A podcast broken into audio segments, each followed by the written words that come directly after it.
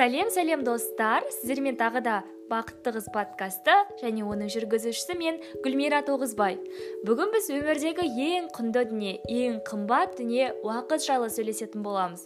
Уақыт ол ә, негізінен бізге бір ақ рет беріледі және оны біз қайтадан сатып та ала алмаймыз қайтадан сұрап та немесе біреуден қарызға да ала алмаймыз. Ә, осы орайда қазіргі таңда қалыптасқан тайм менеджмент деген ұғым бар. Тайм менеджмент ол уақытыңды дұрыс басқаруды уақытыңды тиімді басқаруды үйрететін жүйе болып табылатындығында. Және де уақыт ол болашақта да қазір де тарихта да маңызды дүниелердің бірі болып қалатындығында. Ә, уақытты біз тиімді пайдалану үшін ең алдымен бізге керек дүние ол ә, жоспар құру болып табылады. Егер де сіз алдыңызға жоспар құрып мысалға мен ертең осы жұмыстарды аяқтаймын деп ә, оны бір параққа жазып қоятын болсаңыз ертең сіз ол нәрселерді міндетті түрде аяқтауға тырысатын боласыз. Ал егер де сізде жоспар болмайтын болса сізде мақсат болмайтын болса сіз жай ғана уақытыңызды кино қараумен немесе сериал қараумен өткізетін боласыз. Ә, жалпы осы орайда айта кететін жайт батыста ол уақыт ақша деген ұғым бар. Яғни, оған қоса, қоса айтатын болсақ уақыт ол мүмкіндік. Егер де сіз мүмкіндікті дұрыс пайдаланатын болсаңыз сіз ақшаға кенелетін боласыз және де жетістікке жететін боласыз. Ал егер де сіз оны босқа жіберетін болсаңыз уақытты босқа жіберсеңіз ә, сіз еш нәрсеге де жете алмайсыз. Сол бір орныңызда қалып қоясыз. Ә, тағы да бір айта кететін жайт осы уақытын яғни тиімді басқарып жүрген жандар және де алдын ала жоспар құратын жандардың 25 проценті яғни ә, жетістікке тезірек жетеді екен. Өзге адамдармен салыстырған кезде өйткені оларда алдын ала жоспар болады. Ә, осы орайда біз жоспарларға тоқтала кететін болсақ негізінен жоспардың көптеген түрлері бар.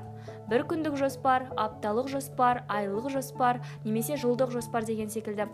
Немесе сіз бірнеше жылға да жоспар құрып қоюыңызға болады. Мен бес жылдан кейін тұрмысқа шығамын немесе үйленемін ә, одан басқа да машина аламын немесе үй аламын деген секілді жоспарлар құрып қойсаңыз сол, сол жазылған дүниелерді сіз орындауға әрқашанда тырысатын боласыз. Сол арқылы уақытыңызды тиімді пайдаланасыз. Мысалға жай ғана сіз қарапайым түрде келтіретін болсақ егер де сіз үйде телевизор қарап отыратын болсаңыз ә, және де сіздегі апталық жоспар бар бірақ ол нәрселер орындалмай жатса сіз ойланасыз мен мына жоспарды не үшін жаздым? Ә, не үшін мен қазір сериал қарап отырмын? Не үшін мен дипломдық жұмысты жазуға кіріскен жоқпын? Сол жоспарымды орындауым керек қой дейсіз де телевизорды сөндіріп жаңағы жоспарға жоспарды орындауға кірісетін боласыз. Ә, және де ол сізге бір шабыт беретін болады. Жазылған дүниелерді сіз тезірек орындауға тырысатын боласыз. Ал егер де сіз ол нәрсенің бәрін жазбайтын болсаңыз ә, сізде ешқандай да былай айтқан кезде өмірлік мән болмайды. Сіз және де еш нәрсені орындауға тырыспайтын боласыз. Жай ғана күніңізді өткізіп соған бола қуанып жүре беретін боласыз. Ә, және де осы ретте айта кететін дүние ол ақша құнды. Адамның өмірі одан да құнды. Ал уақыт барлығынан да барлығынан да құнды деген сөз бар. Яғни шынымен де сіздің өміріңіз құнды болуы мүмкін бірақ сіз егер де уақытты тиімді пайдаланбайтын болсаңыз өміріңіздің құны болмайды. Ал егер де уақытты тиімді пайдаланатын болсаңыз сіз барлық нәрсенің де құнын білетін боласыз. осы кезекте айтатын тағы бір жайт бар. яғни сіз алдыңызға жоспар құрып алатын болсаңыз ол жоспарды орындаймын деп ә, тікелей соған ғана бағытталып кетуіңіз мүмкін. және де сіз ә, тек қана сол жоспарға өмірін тек қана жұмысына арнайтын адамдар да бар. яғни сол жоспар бар менде соны ғана орындауым керек. сол үшін де сіз дұрыс жоспар құруыңыз керек. алдыңызға яғни отбасы жұмыс үйге мынанша уақытмен бөлуім керек деген секілді өздеріңіздің уақыттарыңызды анықтап алыңыз. Ә, осы орайда ең басты дүние тайм менеджменттегі басты дүние ол сізді сізге маңызды дүниелерді анықтап алу. Егер де сізге отбасы маңызды болса сіз көп бөлігін яғни уақытыңыздың көп бөлігін отбасыға арнаңыз. Ал одан кейінгі орында мысалы жұмыс тұратын болса жұмысқа арнаңыз. Солайша сіз мысалға маңызды дүниелерді анықтап алып соларға уақыт бөлетін болса, боласыз. Қазіргі таңда негізі қазақстанда болсын әлемде болсын көптеген жастар олар уақыттың жетіспеушілігіне байланысты бір біріне қарым қатынастары суып кетеді де сол үшін ажырасып жатады. Оны да болдырмау үшін сіз уақытыңызды тиімді пайдаланып үйреніңіз. Мысалы сіз бес күн бойы жұмыс істейтін болсаңыз сенбі жексенбі күндерін отбасыңызға арнаңыз. Және де отбасыңызбен бірге қыдырыңыз олар да сізге маңызды екендігін ә, соларға білдіріп қойыңыз. Яғни сол арқылы да сіз былай отбасының ұйытқысы болып отырасыз. Мысалы сабақта болса сіз сабақтармен ә, бірге сабақ оқып жүрген кезде тек қана сабақ деп достармен ешқандай қарым қатынасқа түспейтін болсаңыз достарыңыз да сізге ренжитін болады. Сол үшін де барлығында тиімді алып жүруге тырысыңыз. Ол үшін уақытыңызды тиімді пайдаланыңыз. Ә, және де мен осы кезекте қазір сіздерге уақытты тиімді пайдалануға байланысты бірнеше кеңестерді айтып кететін боламын. Ә, ең алдымен бірінші кезекте ол тілді кезектерге бөлу. Яғни кез келген адамның өзінің қазір өмір сүріп жатқан кезде әртүрлі проблемалары болады әртүрлі мәселе мәселелері болады. Және де ол мәселелердің ішінде сізде мысалы ең үлкен мәселе болуы мүмкін. Дипломдық жұмыс жазу деген секілді. Сіз ол нәрсені үлкен мәселе ретінде қарастырып отырасыз. Ол сіздің қолыңыздан келмейді деп ойлап жүресіз.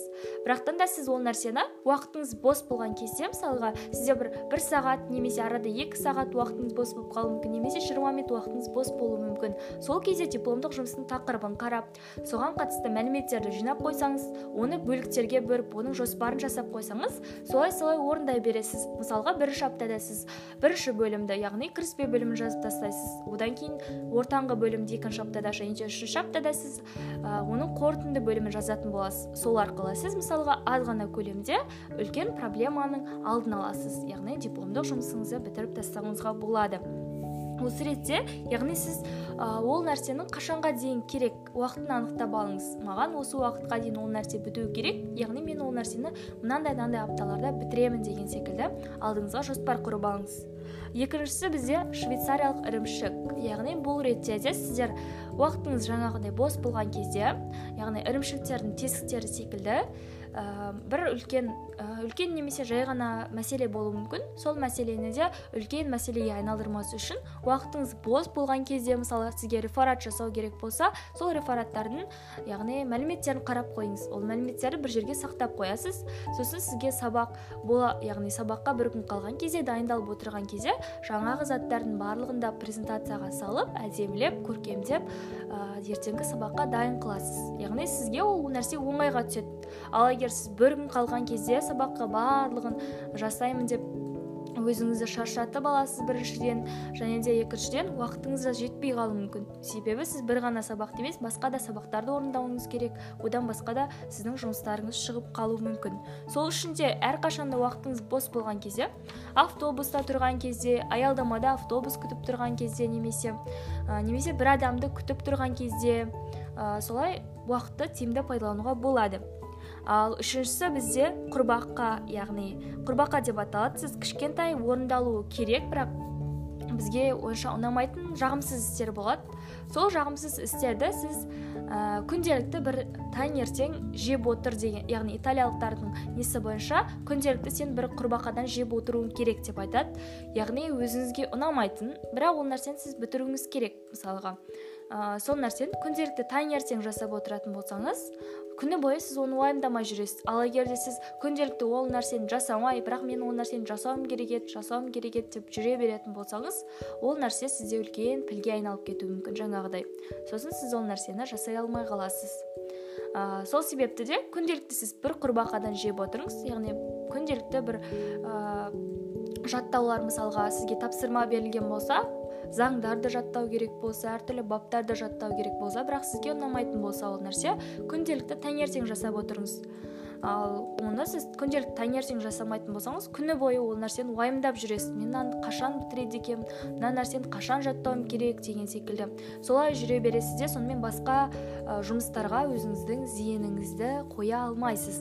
Ә, жалпы зейін деген ол өзіңіздің барлық ойыңызды бір жерге шоғырландыру. Сіз сол арқылы ғана кез келген істі дұрыс аяқтай аласыз. Егер де сіздің зейініңіз басқа жақта болатын болса мысалы сіз сабақ орындап отырып үйдегі басқа бір тілектеріңізді ойлап отыратын болсаңыз сіздің ә, жаңағы миыңызға сабақ дұрыс кіре алмайды. Сосын түсінбейсіз. Келесі сабақта отырасыз. Мынау не еді маған? Мұғалім не айтты деген секілді. Сол үшін де сіздің зейініңіз ол әрқашанда бір жерге шоғырлануы керек. Ә, жалпы негізі мен уақытты тиімді пайдалануға байланысты көптеген бұдан басқа да түрлі жолдар бар. Дегенмен де өзіңіз оқып көріп солардың ішінде өзіңізге қажетті ең тиімді деген жолды таңдап уақытыңызды тиімді басқарып үйреніңіз. Және де уақыт ақша екенін ұмытпаңыз. Егер де сіз аз жұмысты қиынсынсаңыз көп жұмысқа тап болатыныңызды да ұмытпаңыз. Сол себепті де уақытыңызды тиімді дұрыс пайдаланып үйреніңіз. Көріскенше сау болыңыздар.